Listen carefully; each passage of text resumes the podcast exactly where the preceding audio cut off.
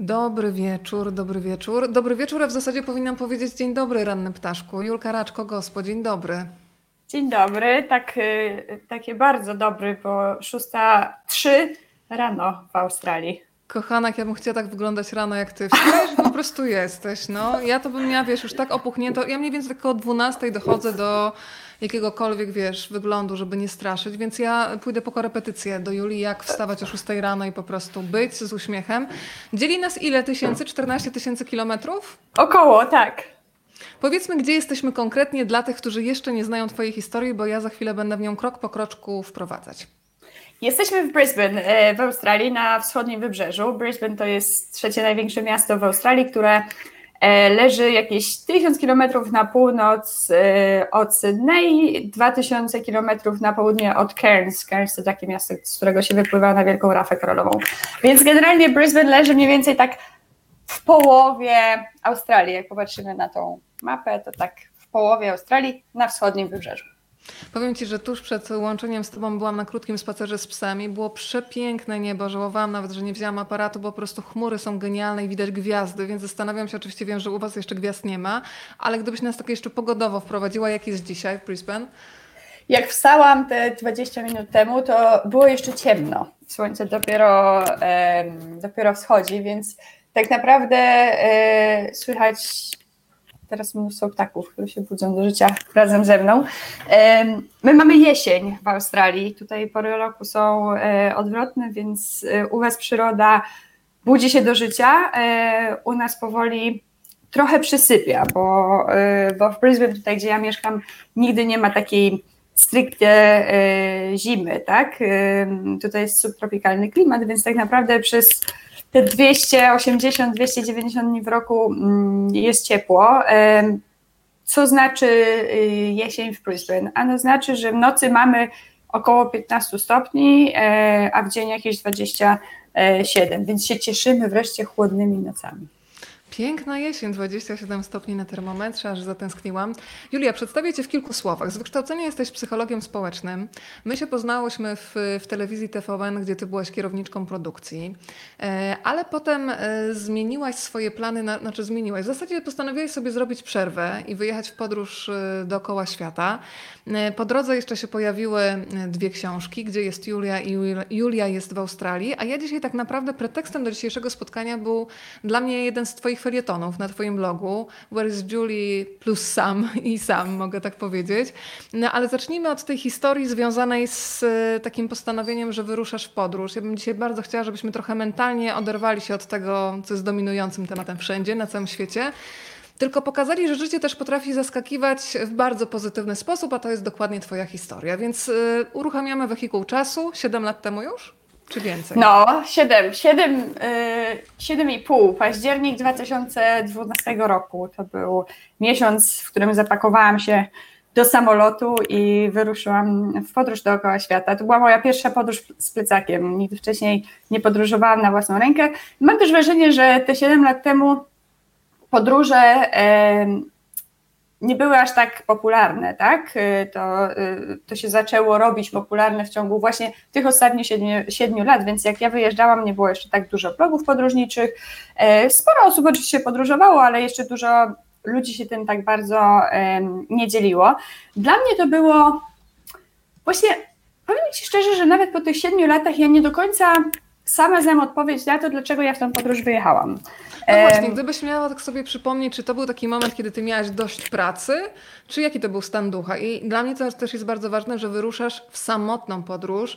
Ja uważam, że samotne podróże bardzo dobrze robią na głowę. Y, wiem z własnego doświadczenia, że potrzeba odwagi, żeby pojechać, bo ja na przykład byłam przyzwyczajona, że zawsze jeżdżę z kimś, ale pierwsza samotna podróż mam wrażenie, że to był przełom.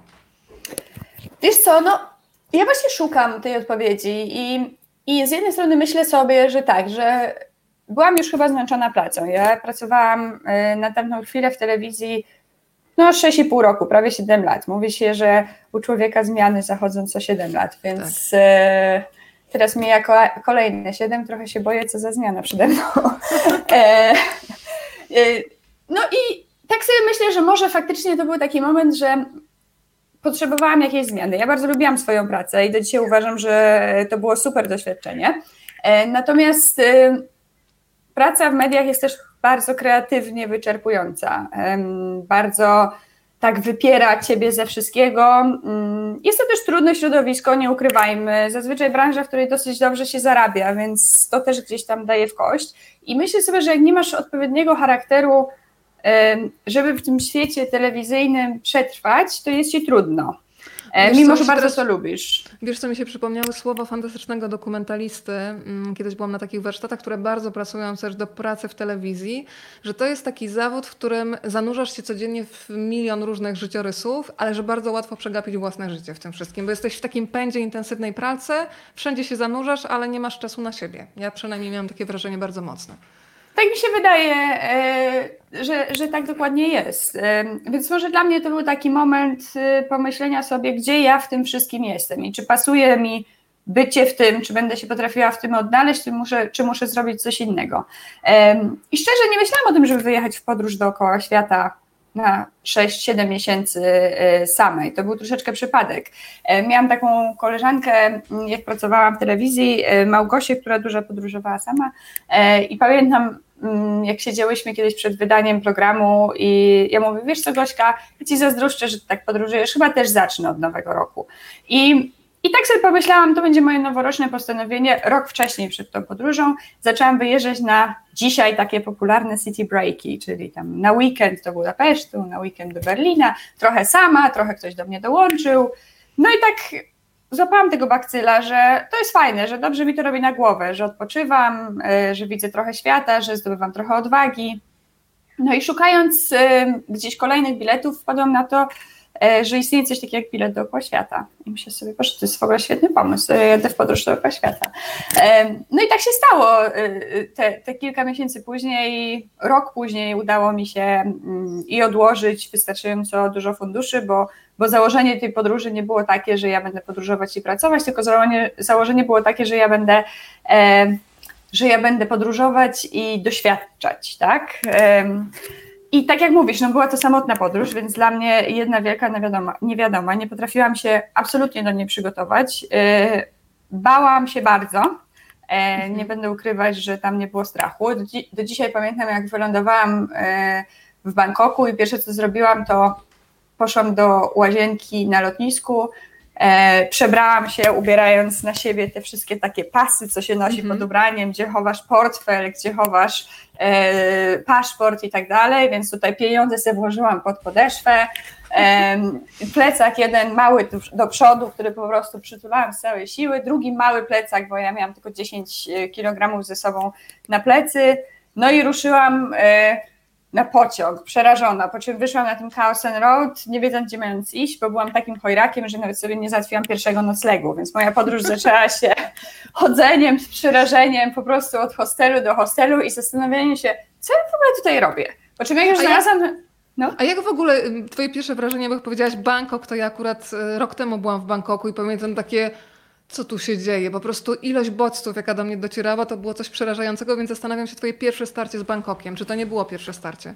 To było pierwsze, pierwsze starcie, starcie. To była moja pierwsza taka daleka podróż, bo tak jak mówiłam wcześniej, to była tylko gdzieś tam takie wyjazdy mm, po Europie.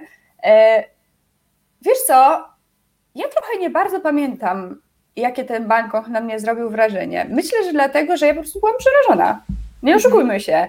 Wylądowałam po prostu na końcu świata, y, nie mając zielonego pojęcia o tym świecie. W końcu znalazłam ten hostel, weszłam do pokoju, lał deszcz, bo y, była jakaś w ogóle straszna burza. Zamknęłam się w tym pokoju. Jeszcze były, są takie klamki w Azji, że są okrągłe i mają taki cyndzelek, mhm. i, y, który się wciska, więc ja nie do końca wiedziałam, jak to działa, bo w Polsce nie ma takich, takie, wiesz, takie rzeczy pamiętam tak, po prostu, które, które gdzieś mnie przerażały, bo to było nowe. Zamknęłam się w tym pokoju i się popłakałam. Mhm. E, I to było moje pierwsze wspomnienie z Bangkoku, bo że co ja w ogóle robię?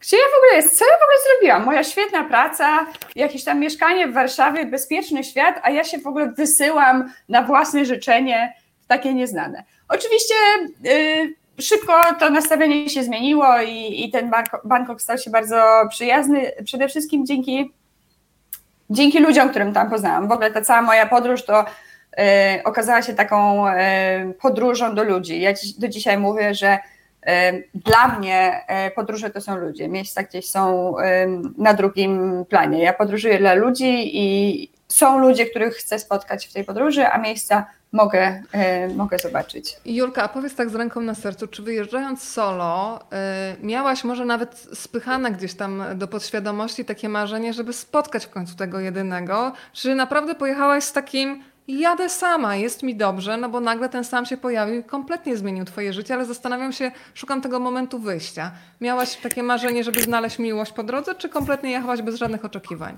Kompletnie jechałam bez żadnych oczekiwań i myślę sobie, że to był klucz do sukcesu. To prawda. E, miłość się sama znajdzie. Dokładnie. Ja, ja byłam na takim etapie życia, gdzie mi było fajnie z samej ze sobą. E, miałam gdzieś już jakiś związek e, mniej udany, długi, e, za sobą, z którego się trochę mi zajęło, żeby się wyka wykaraskać i, i dojść do takiego momentu, że lubiłam po prostu ze sobą przebywać. I myślę, że też dlatego się zdecydowałam na podróż w samotności, w pojedynkę, dlatego że ja lubiłam siebie. Dla mnie nie było nigdy problemem, żeby pójść, nie wiem, sama ze sobą do kina, czy sama ze sobą do knajpy, czy na spacer, czy właśnie samej gdzieś wyskoczyć na weekend. Więc ta podróż dookoła świata w pojedynkę absolutnie mnie nie przerażała, bo mi było dobrze samej ze sobą. I myślę sobie, że właśnie dzięki temu nie szukałam na siłę ani miłości, ani znajomości, ani towarzystwa. I, I to myślę, że po części dołożyło się do tego, że była w stosunku do mnie tak duża otwartość ze strony innych ludzi.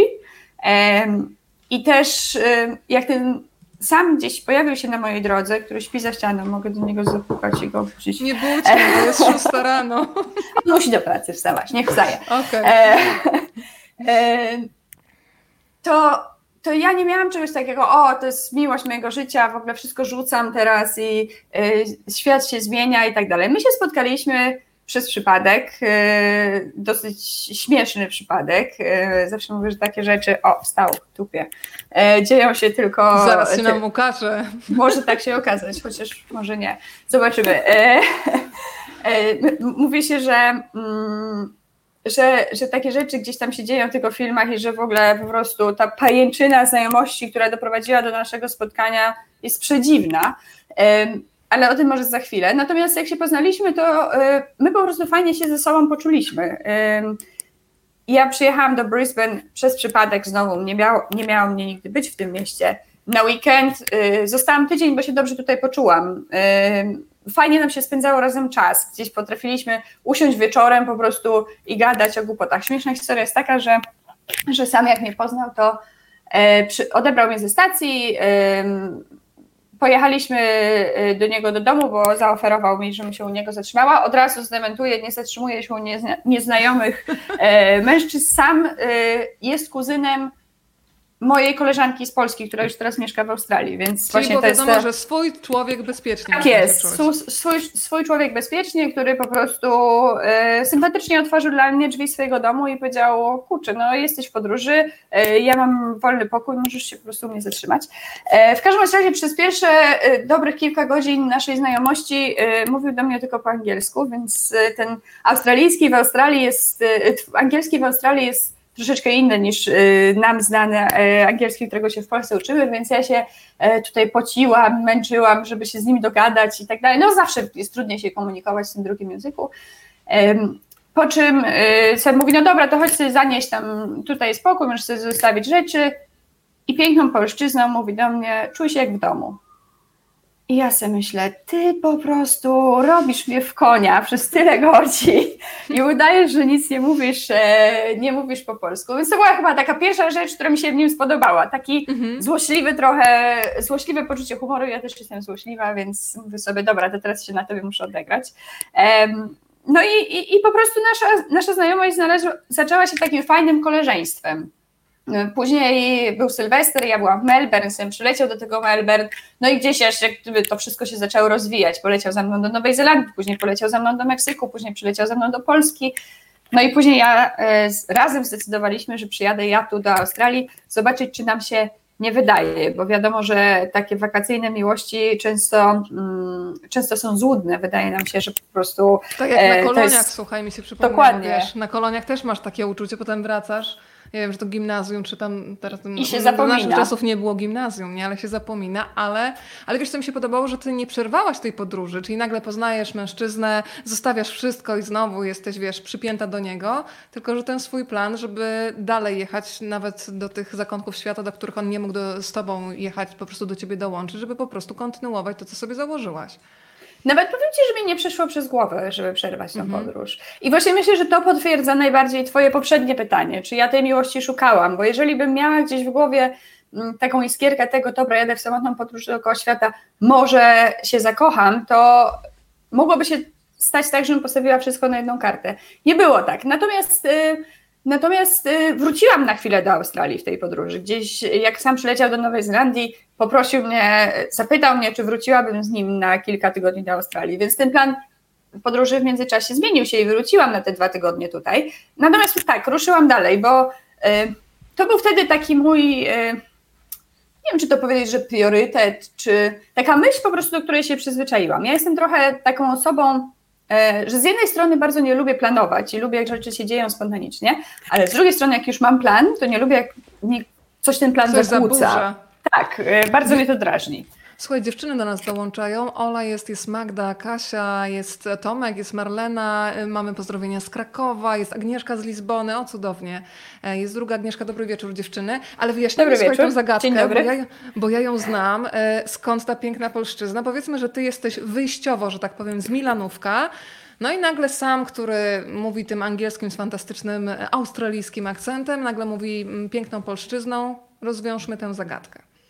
E no właśnie, e, więc kuzynka sama Magda, e, którą znałam przed, przed samym, e, mieszkała wraz ze swoim mężem przez pewien czas w Milanówku i w Podkowie Leśnej. Podkowa Leśna graniczy z Milanówkiem. Poznałyśmy się na imprezie u znajomych kiedyś, oni się wtedy planowali wyprowadzić do Australii, bo tutaj mieszkała cała, ich, cała Magdy rodzina. Masz pozdrowienia no i... z Milanówka od Katarzyny o. Skrzyczewskiej. Dzień dobry Kasiu i ja pozdrawiam. E, no i, i, i, faktycznie jak jechałam w tą podróż dookoła świata, do Magda i Bartek y, już tutaj w Australii mieszkali i miałam ich odwiedzić, więc gdzieś będąc w drodze napisałam do Magdy, słuchaj, jadę do Brisbane, y, czy ty tam kogoś nie znasz, bo ja tutaj w Australii mhm. nie znałam nikogo. Y, no i Magda mówi, wiesz co, zbieg okoliczności jest taki, że mój kuzyn właśnie przeprowadził się z Melbourne do Brisbane, dosłownie kilka tygodni temu, więc może on się z tobą spotka. No i właśnie to jest e, ten kuzyn. Rodzice, rodzice sama urodzili się w Polsce, e, wyjechali tutaj jako nastolatkowie, e, młodzi ludzie, bo dziadkowie zdecydowali się wyemigrować do Australii. Dziadkowie ze strony taty. E, no i sam się tutaj urodził, natomiast wychowywał się w bardzo polskim domu e, na wsi i generalnie jego pierwszym językiem był język polski. Jak poszedł do przedszkola w Australii, to jest taka bardzo prywatna rozmowa, więc nikomu nie mówcie, że się dzielę z wami.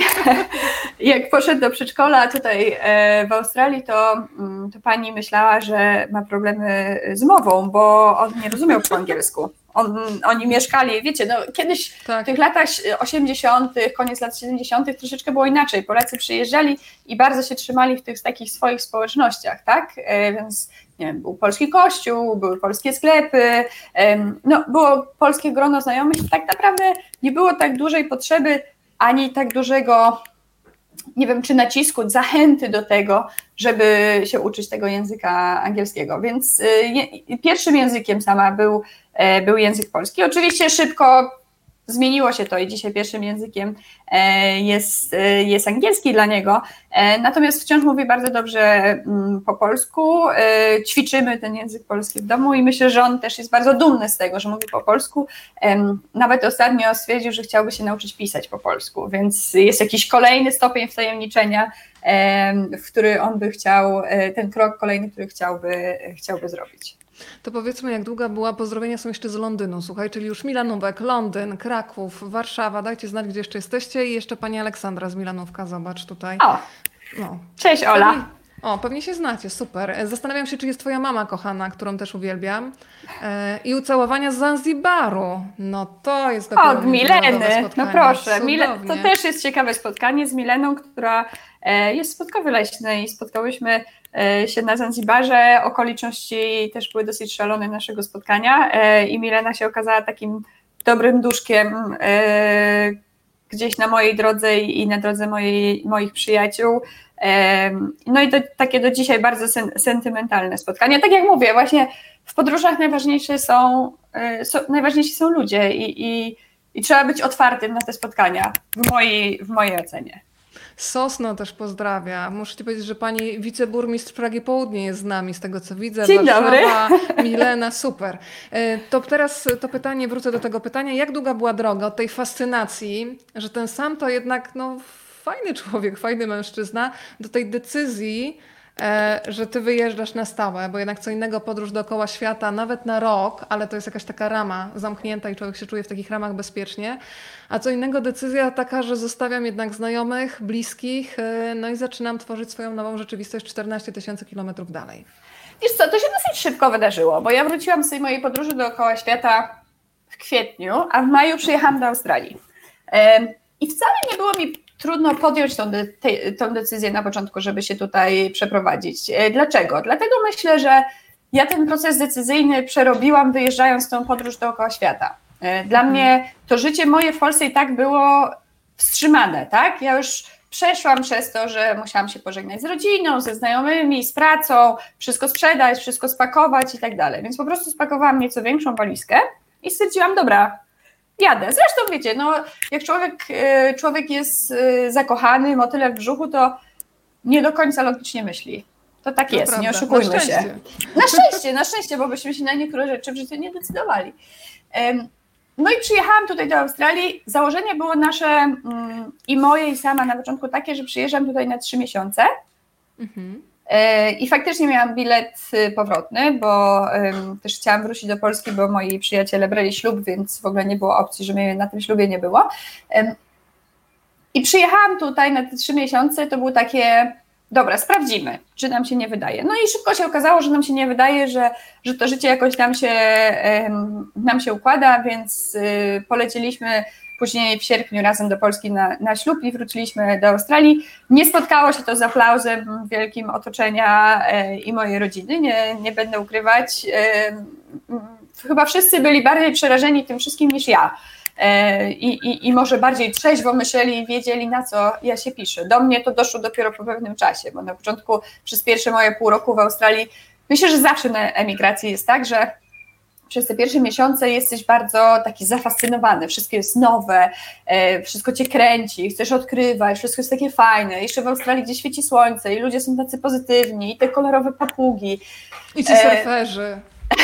No to tak, no, nie do końca no z surferami. nie? O, no to dobrze, zresztą malimy kilka mitów. To, to wcale, nie, wcale nie marudzę, że nie mogę teraz jechać do Australii, skoro ci surferzy, to nieprawda. No i, i wiesz, i te, przez te pierwsze kilka miesięcy faktycznie mm, no, marzyłam o tych surferach, trochę nie, no żartuję, nie marzyłam, ale jak gdyby wszystko e, gdzieś, e, gdzieś było takie bardzo pozytywne, a później przyszła rzeczywistość. I już Zobacz, nie było tak kto jest pozytywnie. z nami. Widzisz, mama! Jest, mama jest kochana twoja. Cudownie. No to mm, ten moment, y, czyli już wiemy, że na początku jest taki moment zachłyśnięcia się, bo to jest zmiana, bo jest miłość, bo jest kompletnie inaczej i czujesz, że to jest dobra decyzja.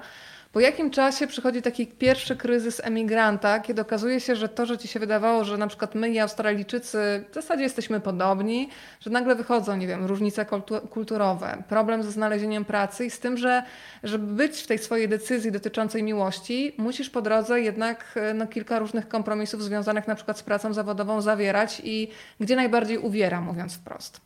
No dla mnie właśnie tym momentem takiego oberwania E, trochę w głowę, było, mhm. był moment, e, jak zaczęłam szukać pracy, bo mi się wydawało, że. E, o, i Klara, dzień dobry. O, Klara, też z TVN-u. Wszyscy się tak, tu znamy, widzę, super.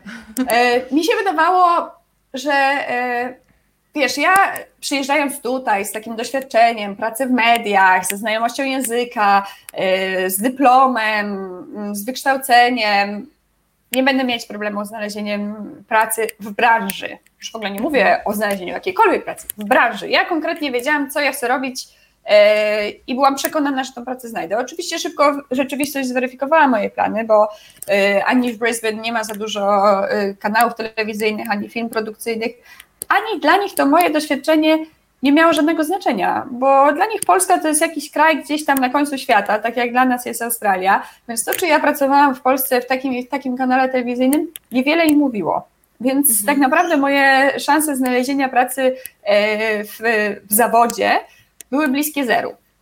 Więc musiałam sobie szybko e, w głowie poprzestawiać i zastanowić się, co ja mogę robić. E, no i okazało się, że niestety to, to, to jest taki taki etap, gdzie trzeba zrobić kilka zawodowych y, kroków wstecz i pójść do kawiarni, parzyć kawę, później pójść do baru, pracować w barze, no i pracować nad jakimś rozwojem tej swojej kariery. I tak to było takie moje pierwsze doświadczenie.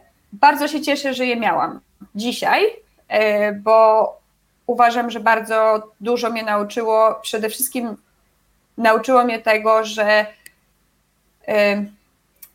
nie można się bać szukając pracy, że ta praca zawsze jest. Co szczególnie w tej sytuacji, jakiej jesteśmy dzisiaj, gdzie dużo ludzi będzie w takim momencie zawodowym trochę nad przepaścią, myślę, że bardzo mi pomaga.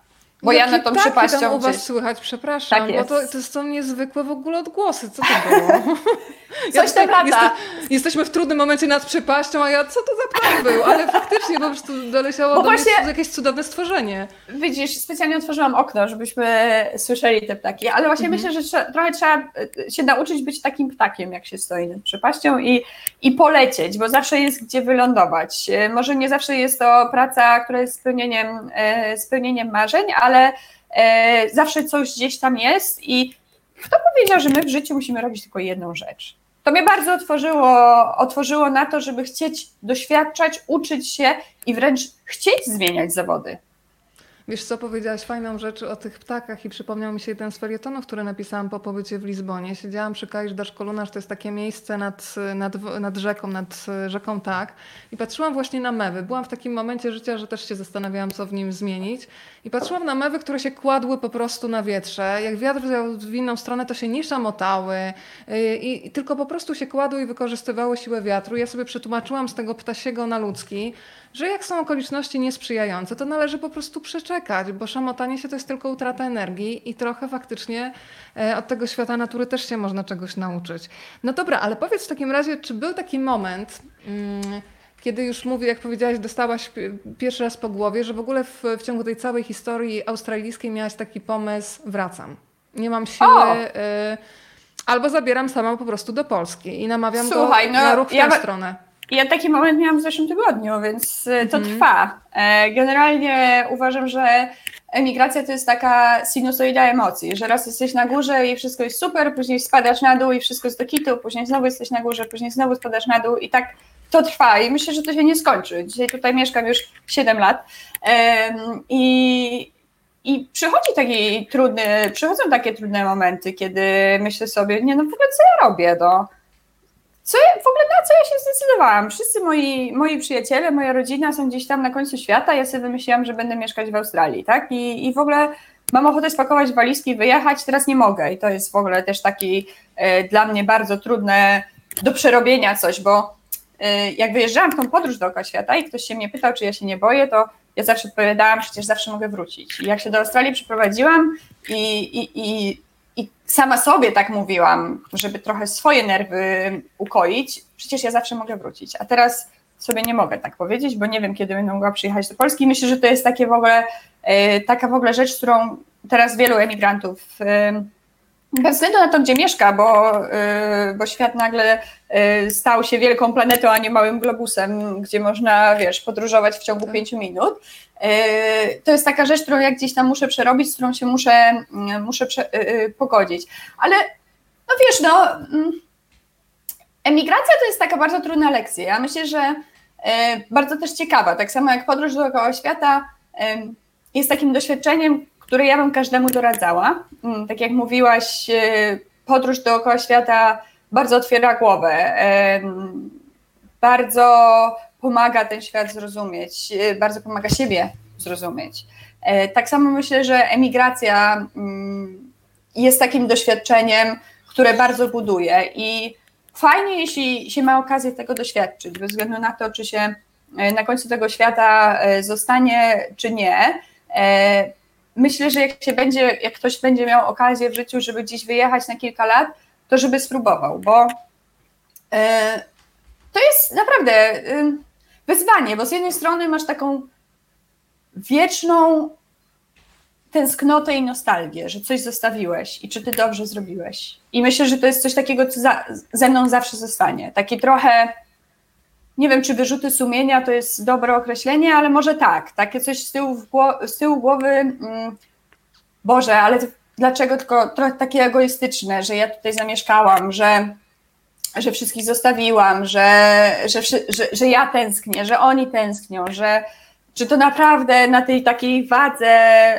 przeważa na moją korzyść, czy na, nie moją, na, na moją niekorzyść. A z drugiej strony, dla wyrównania tego, wiesz, każdy z nas musi życie swoje przeżyć po swojemu, tak? I to prawda. E, musimy podejmować takie decyzje, które dla nas są dobre i które sprawiają, że my czujemy, że przeżywamy swoje życie, że nie przeżywamy go dla kogoś, tylko dla siebie, bo życie mamy Pięknie tylko jedno. To prawda.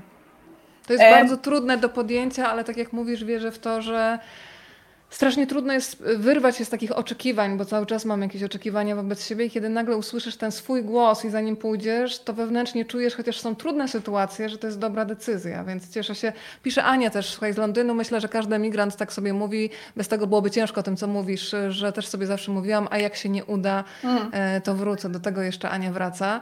E, to teraz się zatrzymam przy tym felietonie, który mnie zatrzymał, twoim, z bloga Where is Julie plus Sam. E, napisałaś coś takiego, że e, w tym dziwnym świecie sterowanym przez koronawirusa wszyscy poczujecie się jak emigranci i wspominałaś między innymi o tym, że wy już z rodziną macie przetrenowane do perfekcji, na przykład połączenia FaceTime'em, ale też samotność i życie w izolacji. Więc powiedz, w pewnym sensie, czy można powiedzieć, ja też jak patrząc na swoje życie widzę, że odkąd pracowałam w domu, to też mam wrażenie, że jest mi łatwiej, bo jestem przyzwyczajona w pewnym stopniu do jakiegoś zamknięcia. Dużo trudniej jest chyba osobom, które non-stop były zawodowo w innych miejscach.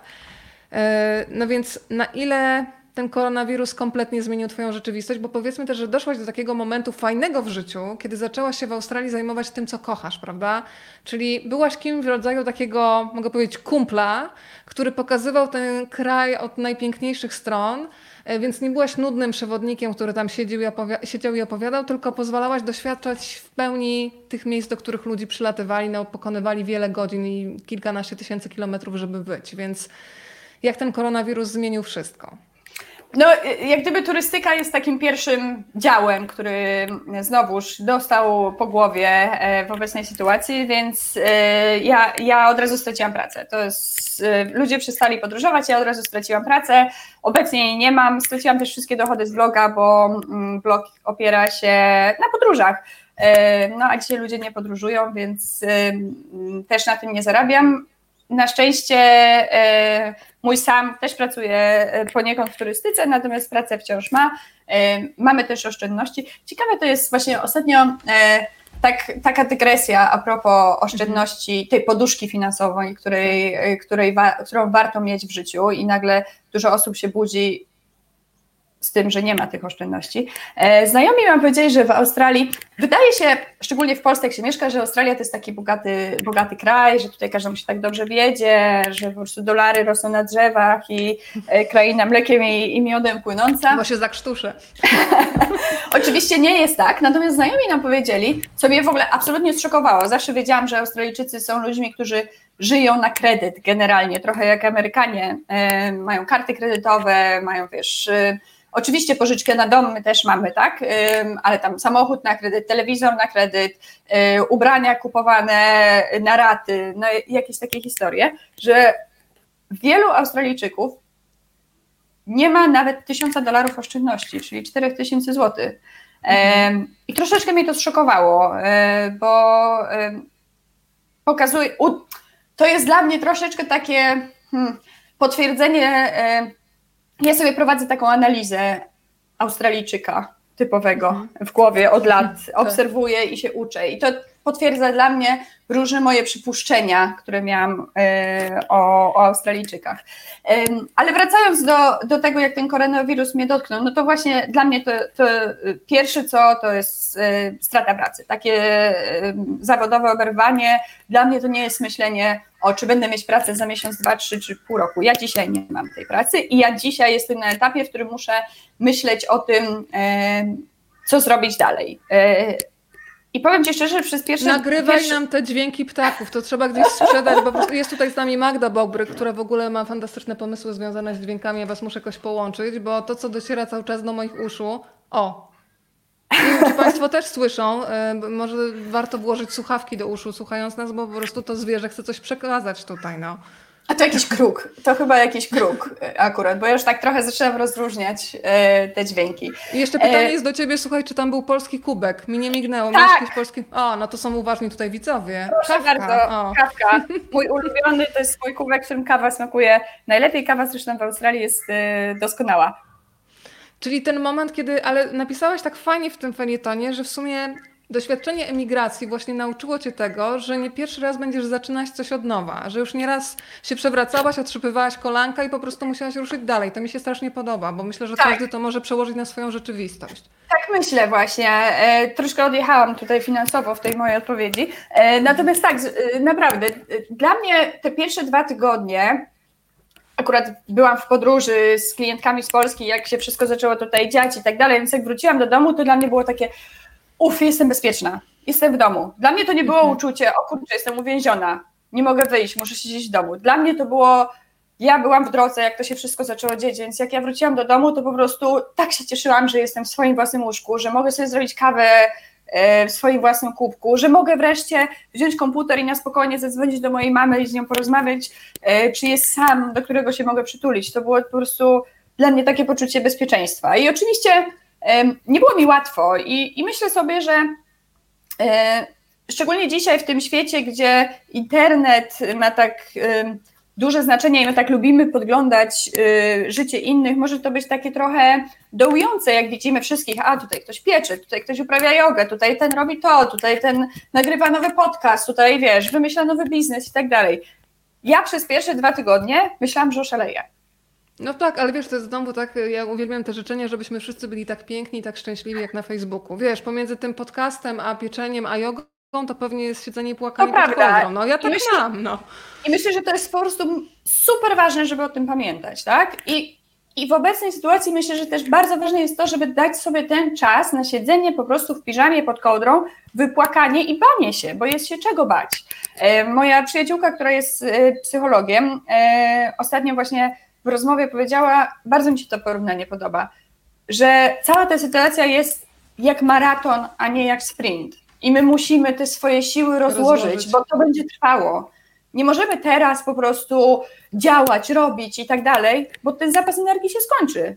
E, I ja już troszeczkę też tak widzę, obserwując ten internetowy świat, że wiele osób miało tak na początku, o robię to, robię to, robię tamto, a teraz nagle cisza, bo ten zapas energii się skończył. Więc myślę, że fajnie tą energię jest sobie rozłożyć. I ja się też sobie staram tą, tą energię rozkładać.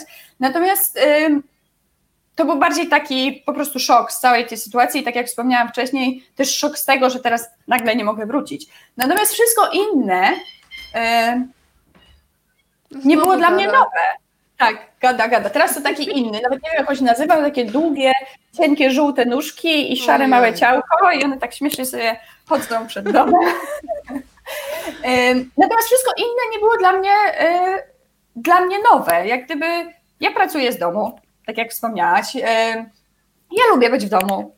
E, nie lubię jakichś wielkich spotkań, chodzenia do barów na imprezy i tak dalej. W ogóle mnie to nie dotyka, jak mam być szczera, e, że, że jakieś tam miejsca, gdzie można wyjść w mieście są zamknięte, bo, bo ja nie chodzę do miasta.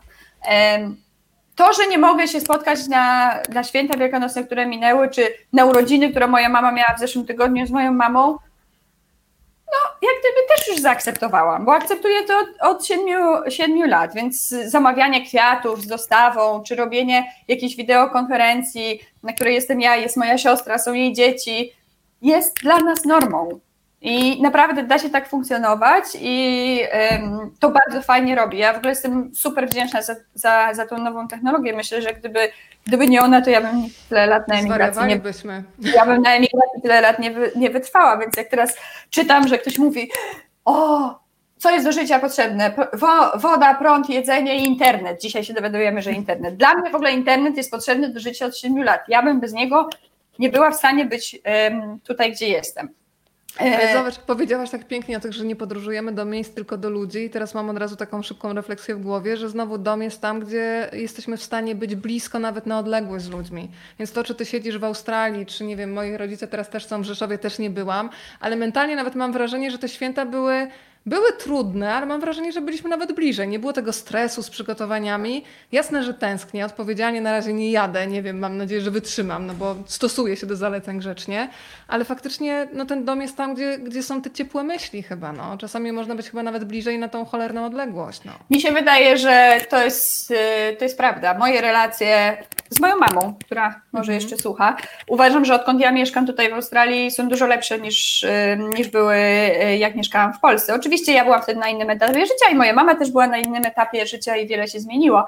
E, natomiast e, myślę, że ta relacja mm, jest dużo bliższa i szczersza, bo jak rozmawiasz z kimś przez internet, to nie masz czasu na udawanie, na e, no wiesz, no, no możesz nie mówić szczerze, no ale to, to, to trochę tak nie działa. Im dłużej jak gdyby prowadzisz taką relację, takie rozmowy, nawet jak my dzisiaj prowadzimy, trochę jest trudno zamknąć się w takiej skorupie i, i przybrać inną postawę. A nie masz wrażenia, że to też jest takie wyjście z roli i to jest bardzo trudne, nie wiem jakie są doświadczenia wasze, dajcie znać w ogóle po drugiej stronie, że bardzo trudno nam wyjść z takiej roli mama-córka i że strasznie fajny jest ten moment, kiedy wskakujesz na relację, że patrzysz na swoją mamę po prostu jak na drugą kobietę.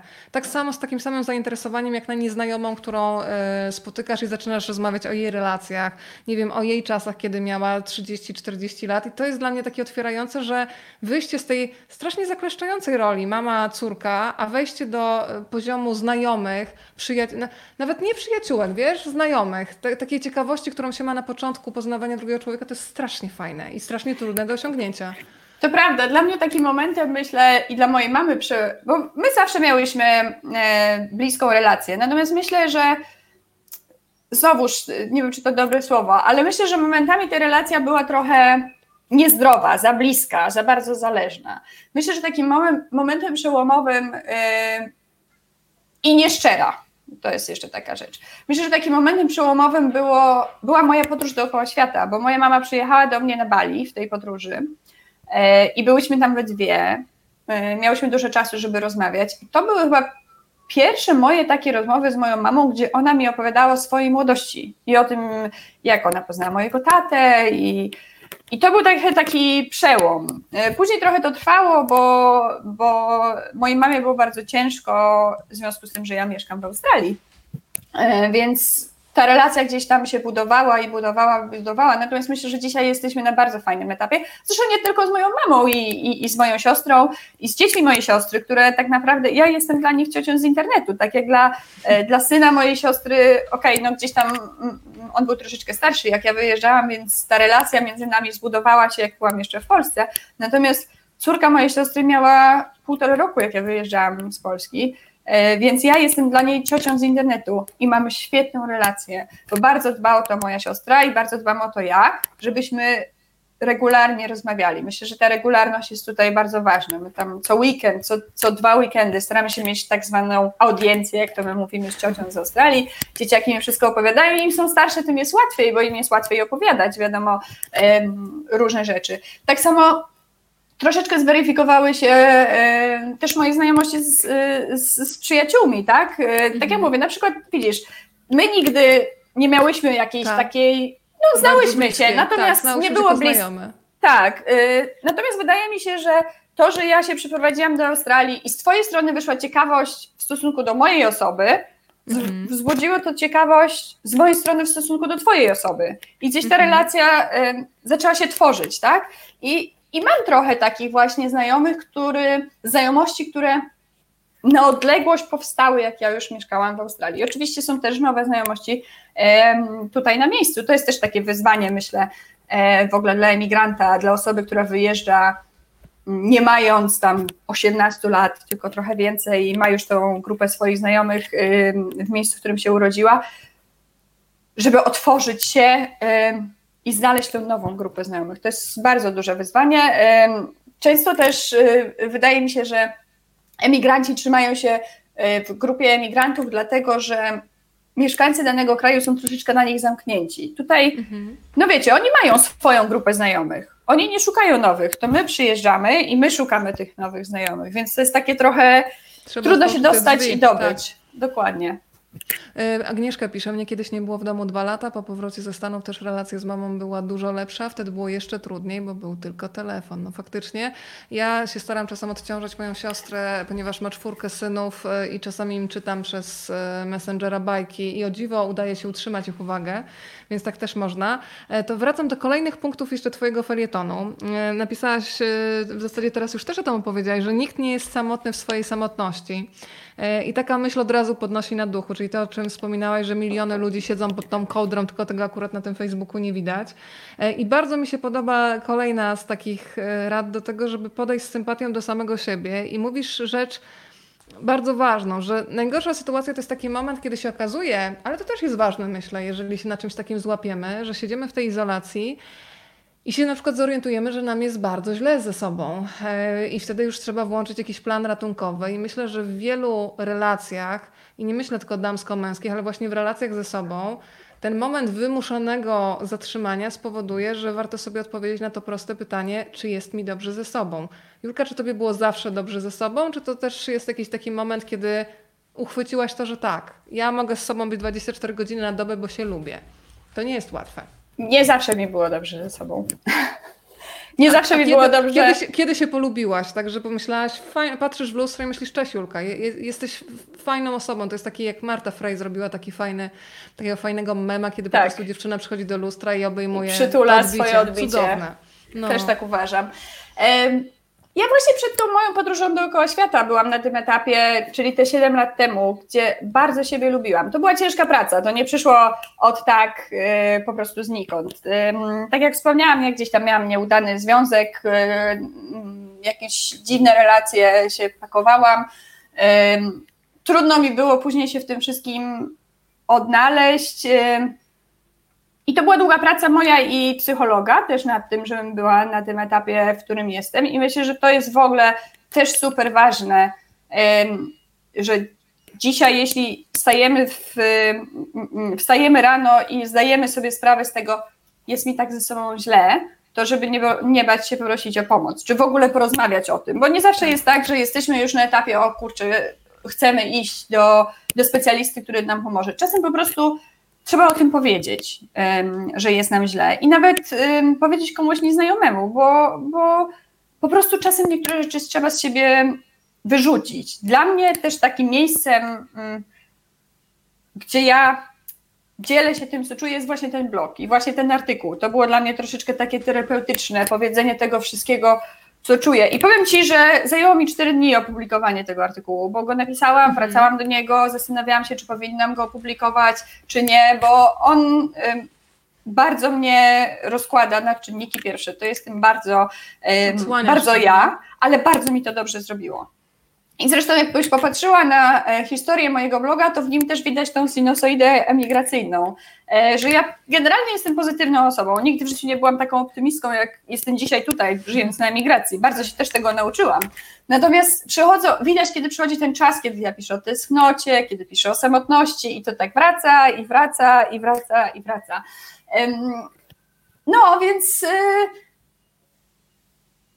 więc tak Myślę, że lubienie siebie samego to jest super ważna rzecz. Jeżeli ktoś jeszcze dzisiaj siebie samego nie lubi, to to jest dobry moment na to, na to żeby mm, na to, żeby zacząć nad tym pracować, nad sympatią do siebie samego, bo albo jesteśmy za bardzo krytyczni i może powinniśmy siebie zacząć lubić, albo coś faktycznie w nas samych, nas samych drażni i może warto popracować nad tym e, i to zmienić. Ja generalnie myślę, że w ogóle pracowanie nad sobą e, jest bardzo ważne w życiu e, i poświęcanie sobie samemu uwagi. Oczywiście praca nad związkami, nad relacjami z innymi ludźmi też jest ważna, ale, ale gdzieś tam mm, trzeba zadbać o siebie i właśnie tą sympatię do siebie i dobrą relację ze sam, samym sobą, bo inaczej relację z kimś innym jest bardzo trudno zbudować.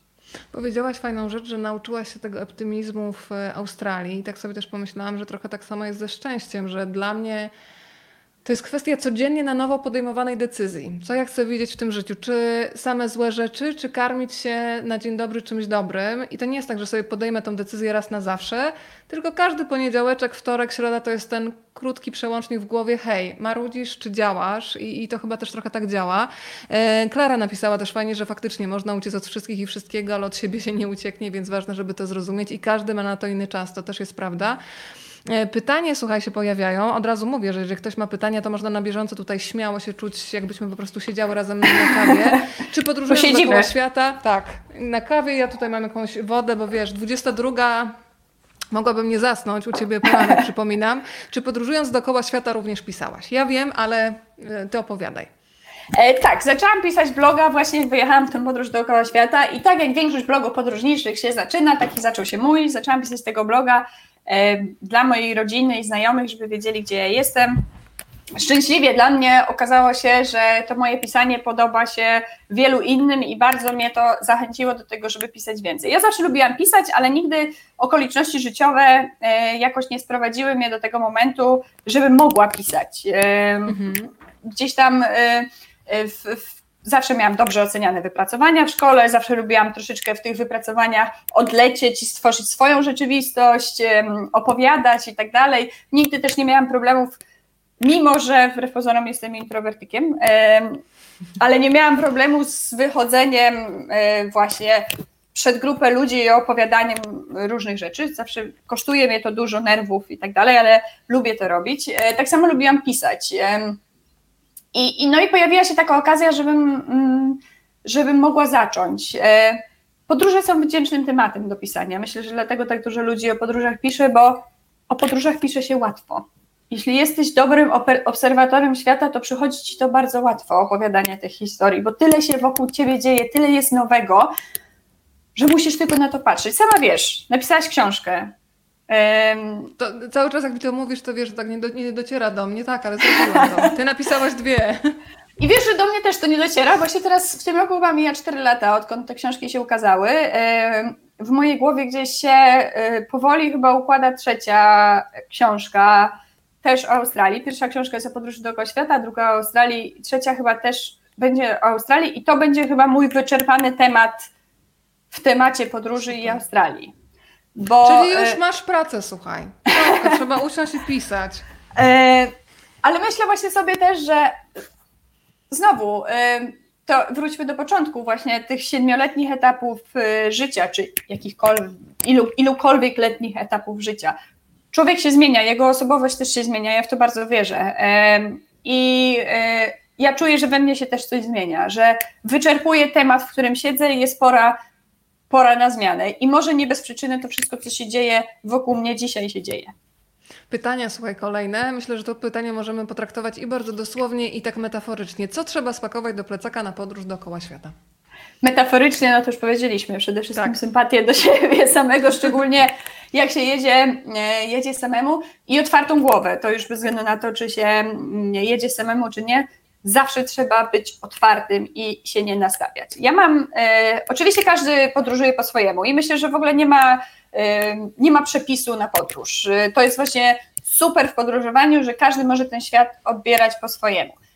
Moim takim sposobem jest e, trochę nieprzygotowywanie się do podróży, jak nie wyjeżdżam. Ja, e, jak jadę w nowe miejsce, to Staram się mieć ogólną wiedzę o tym miejscu, żeby nie popełnić jakiegoś fopa, czy kogoś nie zranić, czy siebie nie wpakować w kłopoty. Mhm.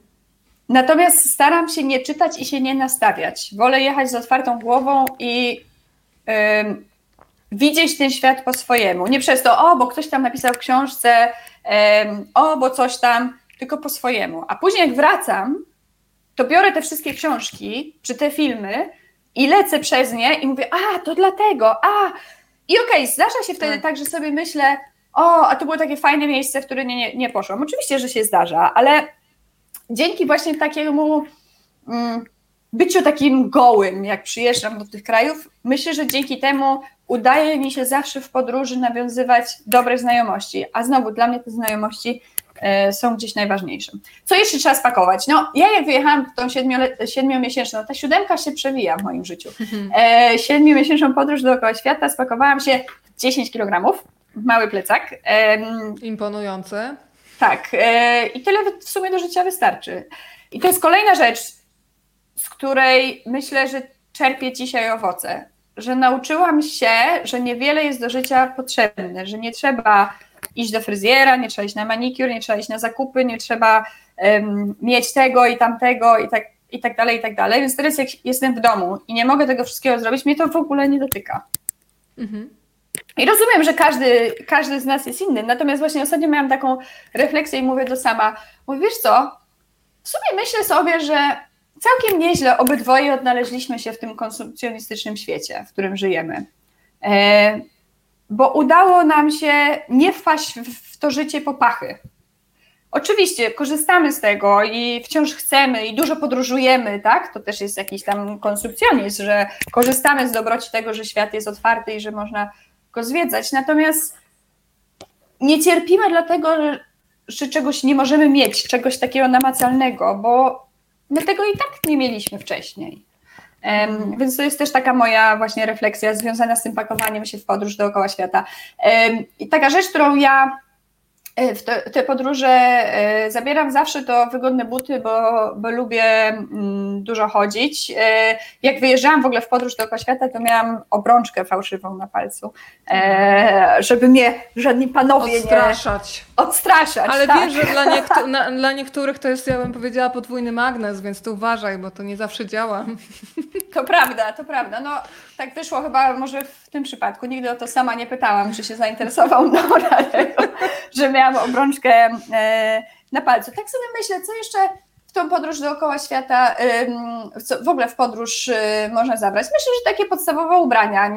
myślę, że nie, nie, jakieś takie pakowanie się takich specjalistycznych rzeczy, dopóki nie robisz jakiejś specjalistycznej wyprawy, e, tak. zupełnie nie jest potrzebne. Że ważne jest to, żeby na przykład z ubrań zabierać ze sobą to, czym się dobrze czujesz. Ja jadąc tą podróż dookoła świata na przykład nie zabrałam ze sobą jeansów. Jeansy od zawsze były moimi ulubionymi spodniami, ale w tych wszystkich mądrych poradnikach wyczytałam, że jak się jedzie w tropiki, to zabieranie jeansów jest bzdurą, bo jeansy będą wilgotne i, będzie ci za gorąco i tak dalej. Szczęśliwie moja mama przyjechała do mnie na Bali i mi te jeansy przywiozła po dwóch miesiącach, bo to była dla mnie po prostu najgorsza rzecz, że ja nie mam swoich jeansów, więc to była lekcja, człowiek się uczy na swoich błędach, e, nawet takich drobnych, mm, że, żeby jednak zabierać to, co się lubi, tą podróż. Nie nowe, nie, nie stare, których się nie chce już nosić, bo później po prostu na zdjęciach jesteś w jakiejś starej koszulce, której nie lubisz, tylko to, co się lubi i w czym się człowiek, człowiek dobrze czuje.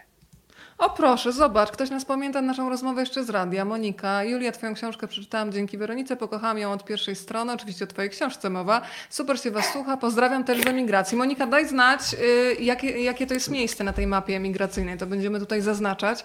Y, pytanie jeszcze padło, słuchaj, od Oli, czy wracasz do tekstów? Y, to, to też jest fajne, bo jak się czyta teksty sprzed lat, to chyba też bardzo łatwo jest ci się ulokować na tej mentalnej lapie, łapie, na tej mentalnej mapie, gdzie byłaś w danym momencie. Tak, wracam. Mhm. Wracam i e, no myślę, że to jest bardzo ważne.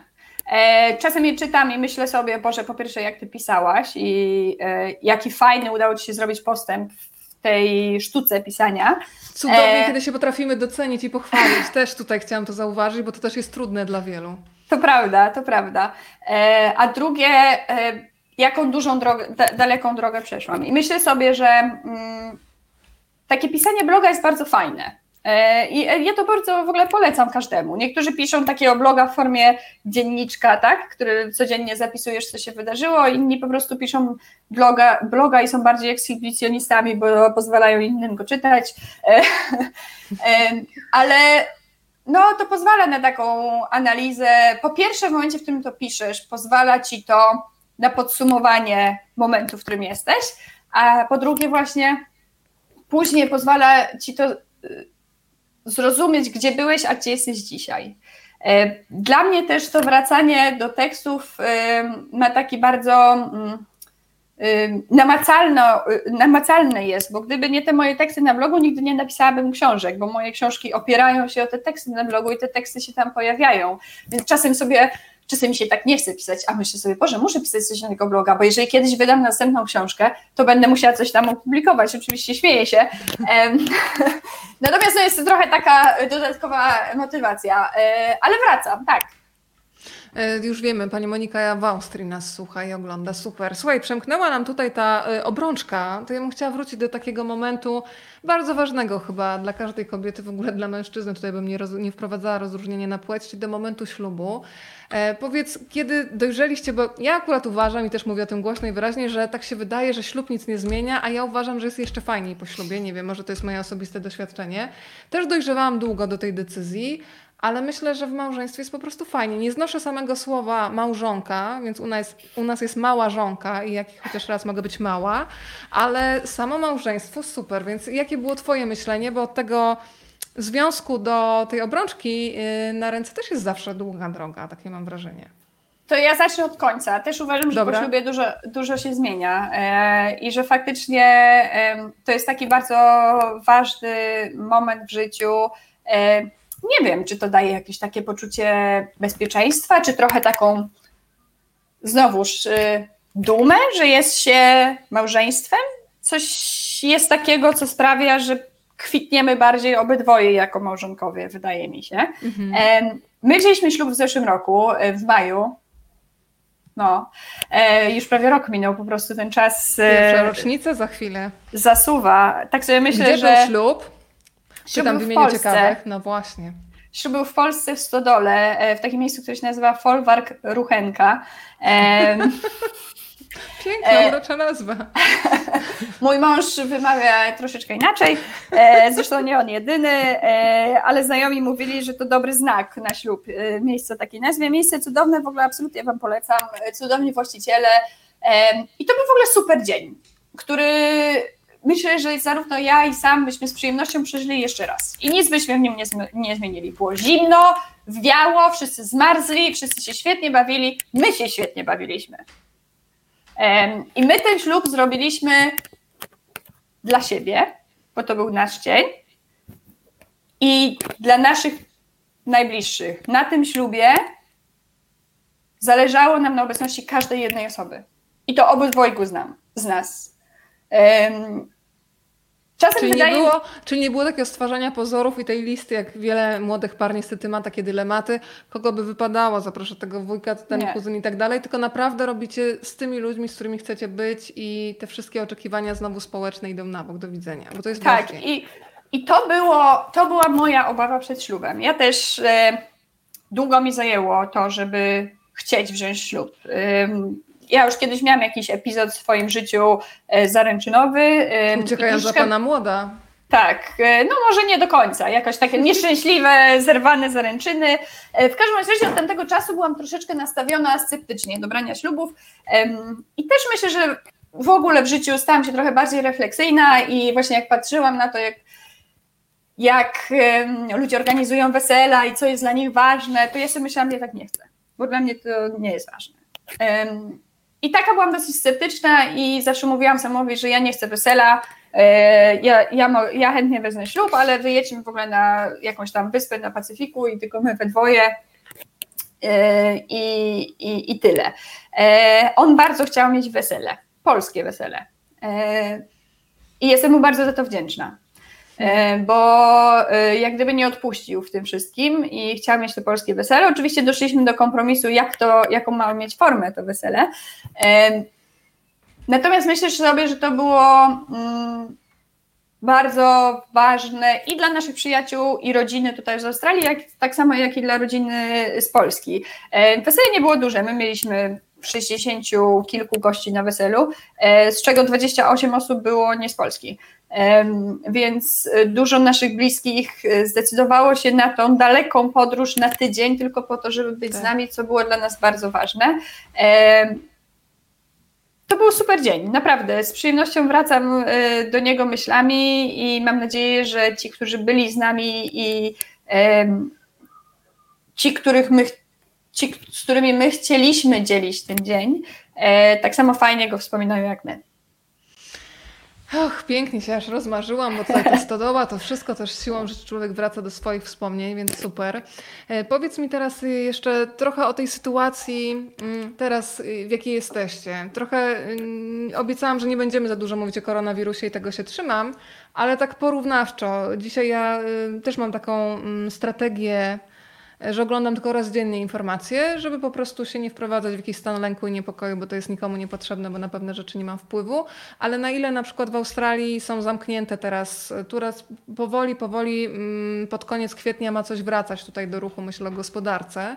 Jak wygląda sytuacja w Australii? Mm, szkoły, y, kawiarnie, sklepy, produkcja. Macie już jakieś informacje, kiedy. Bardzo podobnie jak w Polsce. Mhm. Bardzo podobnie jak w Polsce. Tak jak mówiłam, no, i restauracje, i bary, i dużo sklepów, czy, czy miejsc, które mm, oferują jakieś usługi, jest pozamykanych. Też mamy za utrzymywać dystans, ograniczyć wychodzenie z domu. Ilość osób w sklepie spożywczym bywa limitowana, to zależy oczywiście od regionu. Różnica jest taka, że Australia to jest wielki kraj podzielone na kilka stanów. I tak jak jest jakieś ogólne federalne prawo, które daje taką ogólną strukturę, tak każdy z tych stanów troszeczkę inaczej je interpretuje i trochę inne ograniczenia wprowadza, bo sytuacja inaczej się w tym, w tym stanie rozwija. Dzisiaj generalnie te stany są trochę od siebie oddzielone. Nagle mamy granice między stanami i musimy przechodzić kwarantannę. Jak na przykład ktoś by przyjechał z Melbourne do Brisbane, to musi być dwa tygodnie e, w kwarantannie, tak? Zanim może wrócić e, do normalnego, do normalnego życia. E, myślę, że powoli wszyscy się zaczynają w tej sytuacji odnajdywać. Oczywiście to już gdzieś zaczyna powoli też drażnić, bo to jest kolejny etap. Na początku jesteśmy przestraszeni, później akceptujemy, a później zaczynamy mieć troszeczkę dość tej sytuacji, więc myślę, że i tutaj mm, też wszyscy zaczynają mieć troszeczkę dość i chcieliby E, żeby te restrykcje zostały poróżnione. Natomiast e, nie wydaje mi się, że to się szybko, mm, szybko wydarzy i, i, i generalnie, mimo że jestem optymistką, uważam, że ta sytuacja będzie trwała długo i po prostu musimy się z tym pogodzić. I mhm. nie robić sobie podróżniczych planów, nie robić sobie nie wiadomo czego i tak dalej, bo ten rok będzie zupełnie inny dopasować niż poprzednie. Tak, dopasować który... to, co planujemy do rzeczywistości. Dokładnie. bo... tak, pomyślałam sobie, że mamy tak, mamy ograniczenia, zresztą no słuszne, no bo po prostu trzeba zostać w tym domu, e, ale mamy też ogromną siłę wyobraźni. I tak na finał bardzo bym chciała, żebyśmy teraz ja sobie mogę zamknąć nawet oczy, Państwo też, albo jak Państwu będzie wygodniej. E, jesteśmy w Brisbane i jesteśmy, wiesz, przyleciałam w końcu do Ciebie te 14 tysięcy kilometrów. Ja. W cudowny sposób teraz. Ty mnie odbierasz na lotnisku. Co mi pokazujesz, co mogę zjeść, jakie ptaki mi pokażesz, bo już je wysłuchałam w pewnym sensie, więc teraz chciałabym je zobaczyć. Więc zróbmy sobie taką na dobranoc, e, taki piękny sen australijski, w którym będzie prawda i w którym będzie piękno.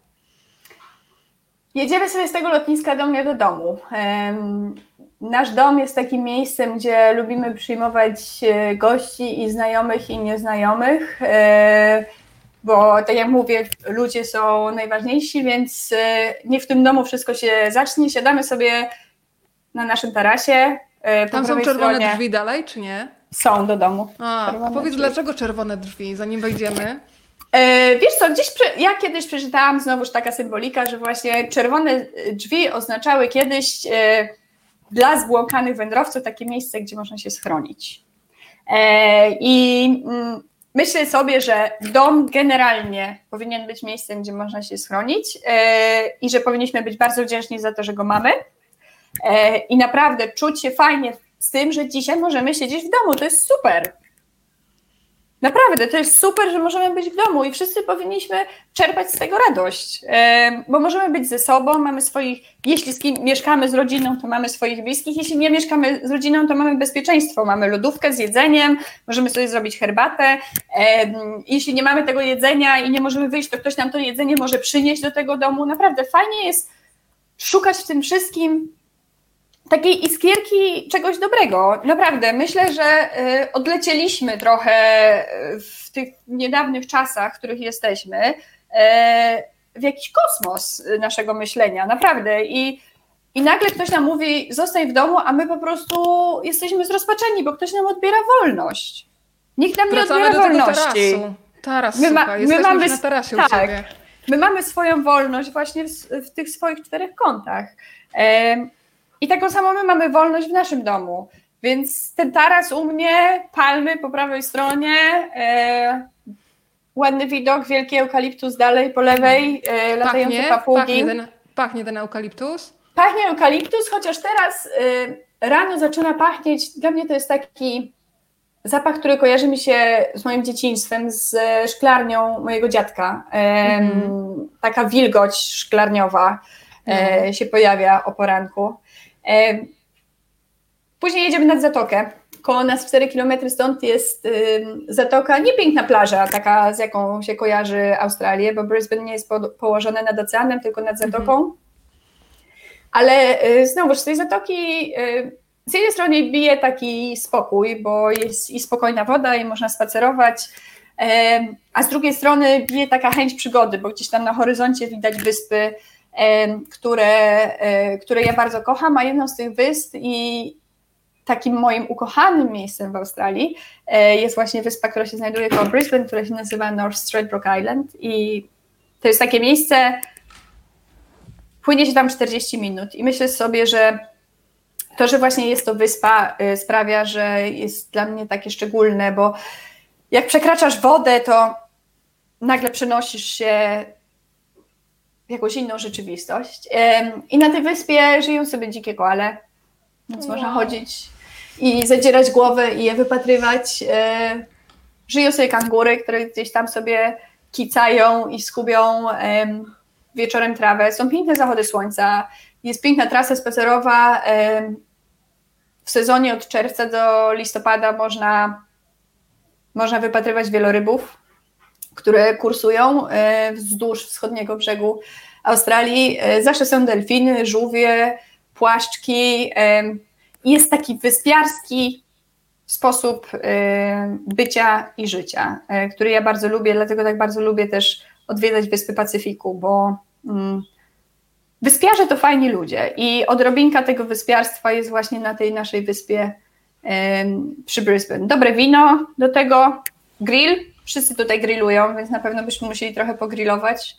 E, długie spacery, em, słońce, które poparzy i, e, i, i to jest taka rzecz, która, którą w Australii się bagatelizuje, jak jest pochmurno, to się człowiek nie smaruje tą pięćdziesiątką, a później skóra jest spalona, ale z drugiej strony taka pamiątka po tych, e, po tych wakacjach i chłodne wieczory. To taka znowuż e, inna rzecz, która może zaskakiwać, bo ja cały czas mówię, że w Australii jest tak ciepło. Nie w całej Australii jest tak ciepło i nie cały rok. E, Tutaj też pada śnieg e, i bywa, e, bywa zimno, więc na to się trzeba przygotować. Nasza wspólna znajoma em, Kama Ryciak, kiedyś jak była tutaj e, u mnie w Australii ze swoją rodziną, przyjechali w lipcu. E, Lipiec to jest najzimniejszy miesiąc w ogóle w Australii i też w Brisbane. Ona do dzisiaj mówi, że ona nigdy tak nie zmarzła jak w Australii. Bo tutaj, wiesz, jak masz w nocy 7 stopni na zewnątrz, to w domu też masz 7 stopni. Tutaj nie ma ogrzewania, nie ma jakiejś super izolacji. e, Więc e, nagle może ci z Australią zacząć e, kojarzyć to, że jest zimno. Wyspiarski styl życia w zmowie z żywiołami, o tak, mówi Magda. Magda, która z kolei do północy, na przykład do Norwegii i Skandynawii ma ogromną słabość. Rozmarzyły się dziewczyny, piszą i dziękują. Pani Marlena, i znowu ten ptak się tam pięknie odezwał. Wyobraziłam sobie kawkę na australijskim tarasie przy palmach, spacer nad zatoką z widokiem na wyspy, misie na drzewach. Dziękuję. Julka, to zrobiłaś nam wieczór, w zasadzie dobranoc. Bardzo Ci dziękuję za to spotkanie. Trzymam bardzo mocno kciuki. Bardzo mi się podobało też podsumowanie w felietonie na Twoim blogu. Będzie lepiej, zawsze jest. Ja się będę tej myśli trzymać, a kiedy roztoczyłaś tą wizję wspaniałości, to ja już wiem, że jest na co czekać i że ja kiedyś tą walizeczkę spakuję. Teraz jeszcze troszeczkę jestem uziemiona jak wszyscy, ale sama świadomość, że jest na co czekać, jest budująca. Dokładnie, a ja jeszcze teraz na koniec spróbuję Was zabrać na swój taras. Zobaczymy, czy nam nie przerwie, bo może się tak wydarzyć, więc się pożegnam E, I życzę Wam dobrej nocy. Mam nadzieję, że jeszcze się usłyszymy. E, ale spróbuję, zobaczymy, czy to się uda e, na tym tarasie. Może zobaczymy tego z żółtymi nóżkami. Nie wiem, właśnie teraz te ptaki O trochę ucichły. O, ale czekaj, zaraz tu słońce Jakie świeci. Słońce. Mhm. Że gadają, Jakieś cudowne tutaj- są gaduły.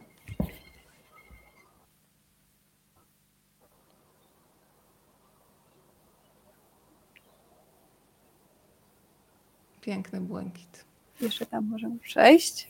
W stronę eukaliptusu. Kochana, wyślij nam jeszcze To jest po takie moje miejsce. jeżeli masz jakieś, wiesz, zdjęcie tego ptaka, jeżeli je masz, to nam wrzuć potem w komentarzu. Jestem strasznie ciekawa, jak ten gaduła wygląda.